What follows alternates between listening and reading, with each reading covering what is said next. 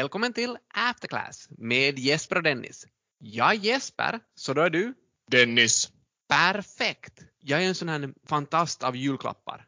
Så om jag börjar med att fråga dig, fick du någon julklapp i år? Det blev ett antal och eh, jag fick faktiskt den här årets julklapp också, Stormköket. Så nu blir det att bege sig ut i terrängen. Vad fick du då? Ja, vi brukar ge julklappar enligt den här fyra regelsmetoden. Okej, kan du berätta mera? Av någon orsak så är den här fyra regelsmetoden på engelska. Så something you want, something to wear, something you need, something to read. Okej, så du menar att alla önskningar uppfylldes då? Ja, det gjorde de. Men en julklapp som jag fick, vi ska inte nämna vem, så blev jag faktiskt lite orolig över. Jag fick ett presentkort.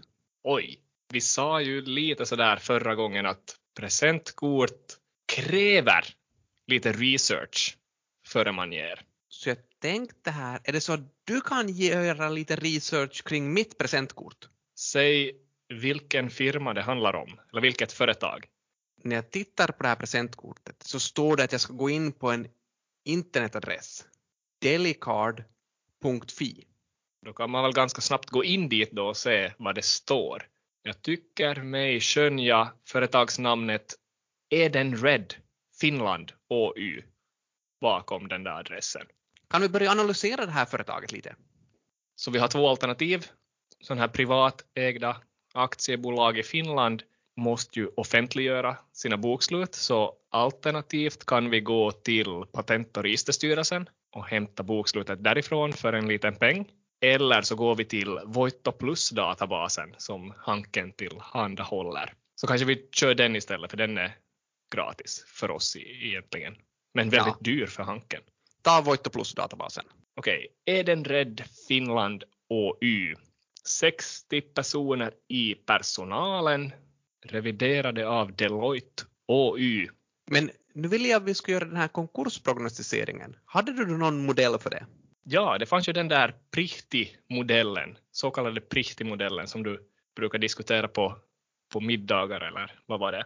Är det till förrätten eller? Eh, I samband med konjaken. Okej, så då kommer Atto Prihti på bordet. Atto var hans eh, förnamn, så han, han utvecklade en sån här modell hur du ska kunna prognostisera konkurs.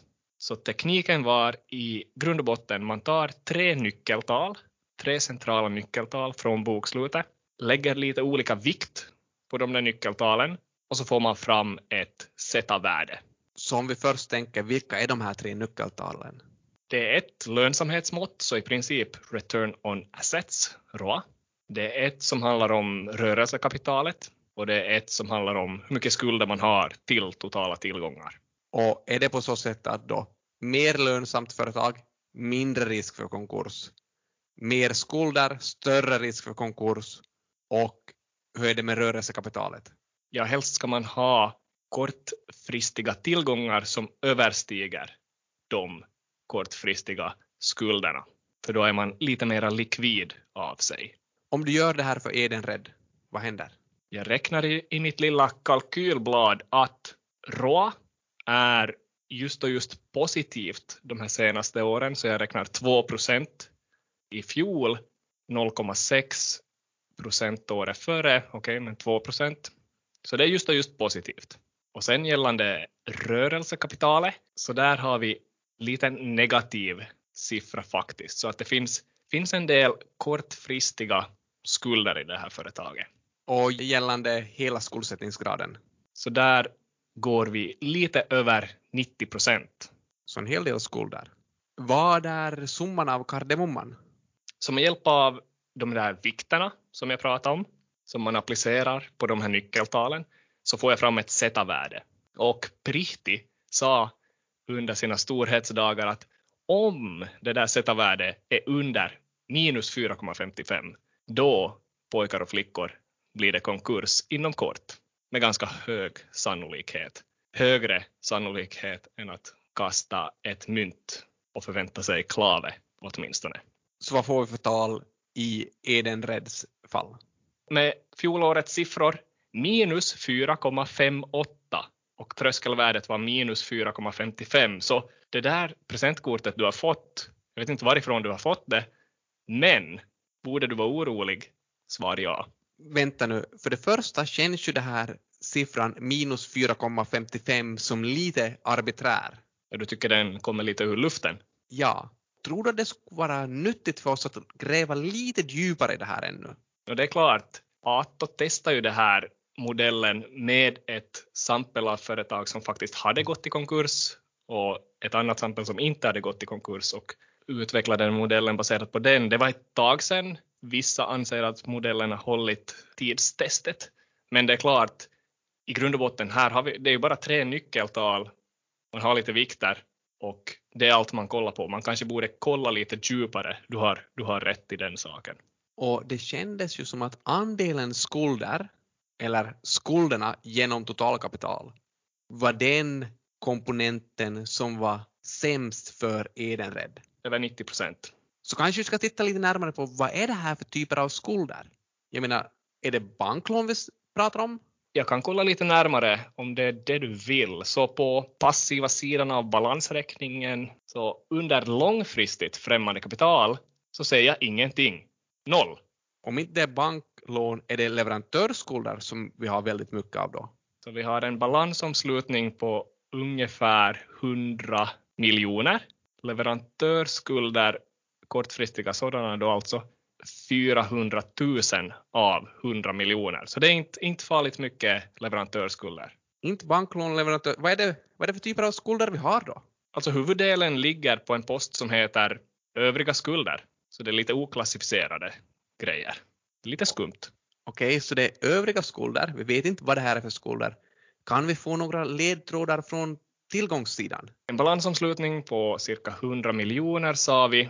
Man har 64 000 i maskiner, så det är ju också småpotatis. Inga byggnader. Lite i lagret har man, 400 000, men det är fortfarande väldigt små siffror sett till 100 miljoner.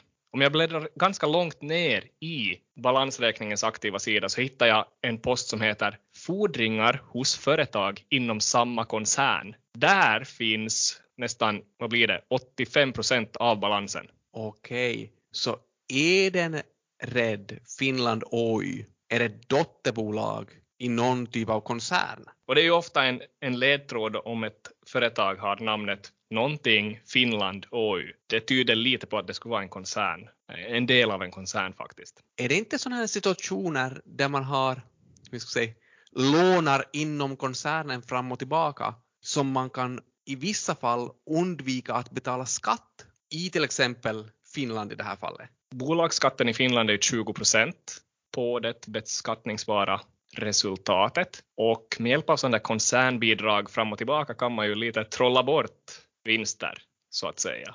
Så kollar jag på resultaträkningen i det här fallet, andelen skatter är noll. Så man har, man har inte betalat någon skatt.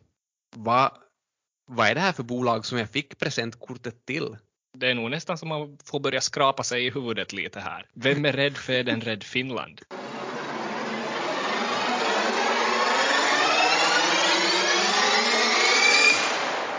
Alltså ingen skatt. Är det här nu bara för ett år? Och hur blir det om du skulle titta på en lite längre tidsperiod? Ja, det här var faktiskt bara för ett år eh, och du har nog rätt. Kanske man borde se på en längre tidsperiod för att få en sån här långsiktig effektiv skattesats uträknad. Så jag tar senaste fem åren, vinst alla år utom ett, totalt sett 474 000 betalt i skatt på cirka 8 miljoner i vinst. Så vad blir den effektiva skattesatsen då? Ja, då blir den här långsiktiga effektiva skattesatsen under 6 procent till och med. Så långt under det här 20 procent som är bolagsskatt. Och det här kan ju tänkas bero på att man har haft tidigare i historiken i det här företaget stora förluster som man kan då använda som, som en form av skattesköld ska vi göra på det sättet att vi tar och gräver ännu, ännu djupare i det här och vi går vidare och tittar på, okej, okay, vilken koncern hör det här bolaget till? Voitto Plus, den här databasen där jag kollar, så gäller bara finländska bolag, så jag måste bege mig till en annan databas och jag går till Orbis databasen. Det är en annan databas som finns på Hanken för sån här finansiell data. Då hittade jag faktiskt en sån information att det här bolaget som äger Edenred Finland så har 212 dotterbolag, inte mindre alltså. Heter alla dotterbolagen Edenred, något land och sen en bolagsform? Alltså vill du ha lite exempel så kan jag ge dig här Edenred Korea, Edenred Panama, Edenred Rumänien, Edenred Frankrike och det är också Frankrike som verkar vara huvudsätet här. Så bakom alltihop finns ett listat bolag på Euronext Paris-börsen som heter Edenred. Ticken Eden. Vi var ju inne på det här med lite skatter, om de betalar skatt eller inte. Och vi hörde att de hade ett dotterbolag i Panama, så man blir ju lite nyfiken. Om du granskar här Edenred den här hela koncernen då, listad på franska börsen, vad är deras effektiva skattesats? Ja, Frankrike är ju ett av de länder som har kanske högst bolagsskatt i Europa, ligger kring 30 procent. Och då jag räknar den här effektiva skattesatsen jag tar, skatter dividerat med resultat före skatt, så kommer jag mot 30 procent faktiskt. Så det ser ut ändå som att i det här hemlandet betalas nog skatt. 30 procent låter ju faktiskt helt okej. Okay. Hur är det om du tittar i noterna? Hittar du några saftiga skattedetaljer där? De facto, om jag går till noterna så hittar jag lite sådana här saker att Edenred varit involverad i lite sådana här skattegranskningar i både Italien och Brasilien som har lett till olika typer av böter. Hur stora böter har Edenred fått i till exempel Italien? Det är miljonbelopp det handlar om. Italien kommer ingen summa för det är inte riktigt klart, men Brasilien pratar man om först lite 6 miljoner plus 68 miljoner euro. Så det är en rejäl slant. Det är lite kvarskatt. Och det är väl kanske så att har man skatteproblem i länder som Brasilien och Italien så har man väl nog faktiskt skatteproblem. Hur ska vi summera det här? Så har min jultomte varit naughty or nice. Ja, är det mot lite styggare sidan ändå? Det är inte direkt ett sån här support your local presentkort du har fått i din hand och på frågan är det så att man borde vara rädd för är den rädd så är kanske svaret delvis. Ja, men tack för den här informationen. Om vi går lite vidare på Edenred. Du sa att det var börslistat och det är snart dags att summera börsåret. Så hur har Edenred gått på börsen? Likt många andra bolag så fick de sig en ganska hård törn av covid-19-krisen. Kolla liksom ett år tillbaka så man började där kring 46 euro i pris och nu ligger man på någonting 46 euro också. Men man hade en rejäl dipp under våren. Okej, okay, så det är väl helt okej okay ett år som eh, 2020. Nu när året börjar lida mot sitt slut så kan det vara dags att göra lite julstädning i portföljen också. Då kanske man vill städa bort lite förlorare om man städar bort många vinnare så kanske det blir mycket skatt att betala. Jo, och om man redan har lite dividendintäkter så kan man ju minska på skatten genom att sälja bort förlorarna, för då får man ju dra bort förlusten. Så det ska vi påminna alla att göra. Så samtidigt som vi lite kritiserar företag som inte betalar skatt ger du nu här lite skatteoptimeringstips själv också. Hur, hur är det riktigt med den här etiken och moralen? Ja, nu börjar du sätta mig på pottkanten här. Hur var det det stod i en Vasa-artikels kommentarsfält en gång i tiden angående att undvika skatter? Vasabladet? Ja, Vasabladet. Menar du den här gången då jag hade skrivit en, en forskningsgrej och Vasabladet kom och gjorde en intervju?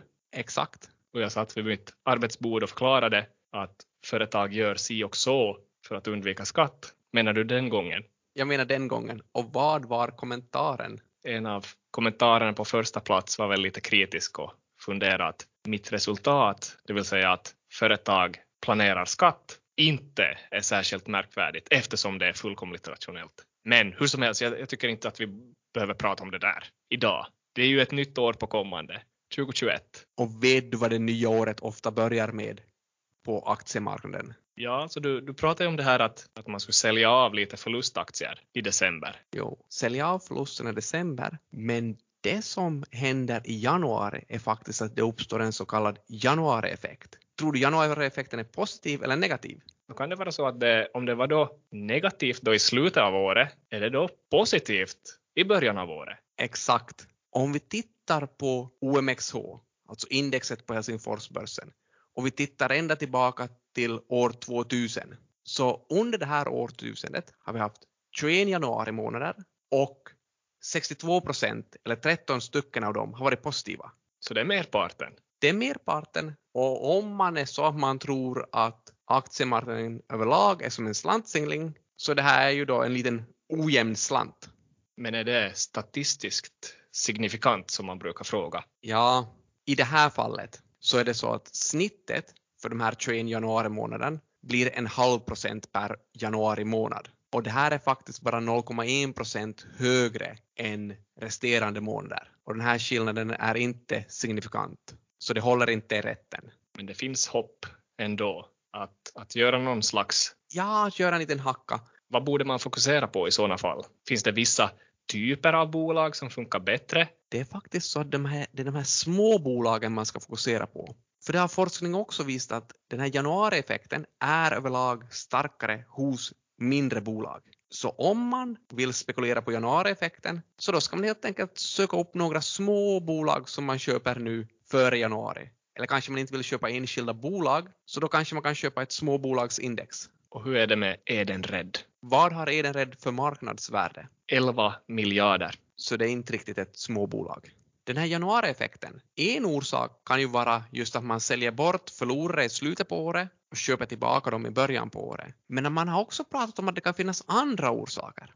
En annan orsak kunde vara att investerare överlag är lite mer euforiska eller tänker lite mer framåt i januari. Till och med så läste jag någonstans att det kan vara så att alla de här nyårslöftena också spelar en roll. Så hur, hurdana ny, nyårslöften kunde det vara frågan om? Ett alternativ kunde ju vara att man tänker att det här året är året då jag börjar spara. Så därför sätter man undan lite pengar i aktier i början av året. Men det är klart, nu när man tänker på det mera så är det svårt att se att den här lilla ökningen i sparande ska orsaka någon större effekt på aktiemarknaden. Hur är det med träning då? Det är ju ganska vanligt ett nyårslöfte att i år ska jag börja träna. Ja, har vi något träningsbolag på börsen? I Finland kommer jag inte på någonting på rak arm. Det finns ju det här Sats i ett nordiskt sammanhang. Ja, på norska börsen finns ju Sats. Tyvärr har Sats inte varit listat så länge. De listades 2019, så vi har bara en januari månad att titta på. Men den var positiv. Är det signifikant då alltså? Ja, det blir ju svårt att räkna en statistika på bara en observation. Vad finns det för andra nyårslöften? Det sägs ju att det dricks en hel del på julen, så där generellt. Så många pratar ju om det här med en vit månad i januari, att man skippar drickande lite. Kunde man då se en effekt, en, en, en motsatt effekt för sådana här spritbolag? Jag tänker Altia till exempel. Så vår hypotes här är alltså att Altia ska ha en negativ avkastning i januari. Kan du testa det? Jag testade här. Altia börslistades ju 2018. Så i det här fallet har vi två observationer. Är det signifikant negativt? Båda observationerna är positiva. Så vi kan säga på så sätt att det är åtminstone inte signifikant negativt. Så vi hittar inga stöd för vår hypotes där. Nej. Men hur som helst, intressant med sådana här anomalier. Vi får se hur det går och gott nytt år. Gott nytt år. Vi fortsätter väl år 2021 med nya insikter i After Class.